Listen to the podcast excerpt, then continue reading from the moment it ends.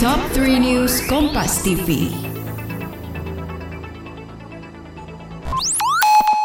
Halo sahabat Kompas TV, saatnya kita update 3 berita terpopuler pada hari ini, Senin 25 Juli 2022, bersama saya Pompe Sinulinga.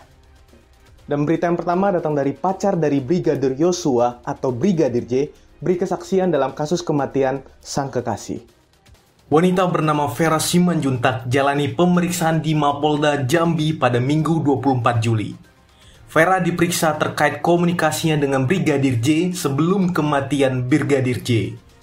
Rupanya Vera telah dua kali diperiksa terkait kematian sang kekasih.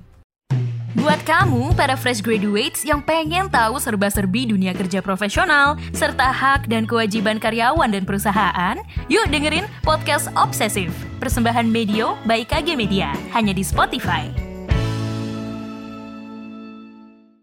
Dan untuk berita kedua datang dari Gubernur Jawa Barat Ridwan Kamil ikut mengkritik langkah aktor Baim Wong mendaftarkan Mac Citayam Fashion Week sebagai hak kekayaan intelektual. Emil menyebut tak semua hal harus dikomersialisasi. Lebih dari itu, mantan wali kota Bandung tersebut juga mengatakan kepada Baim Wong agar tidak usah mengurusi fenomena muda-mudi di duku atas Jakarta tersebut. Sebelumnya, Baim melalui perusahaannya daftarkan Haki Citayam Fashion Week hingga mendatangkan banyak kritik.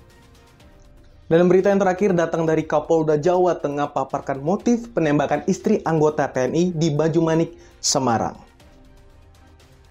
Kapolda menyebut bahwa suami dari korban, Kopda M, sudah punya pacar lagi. Hal tersebut yang disebut jadi motif dari percobaan pembunuhan istri dari Kopda M.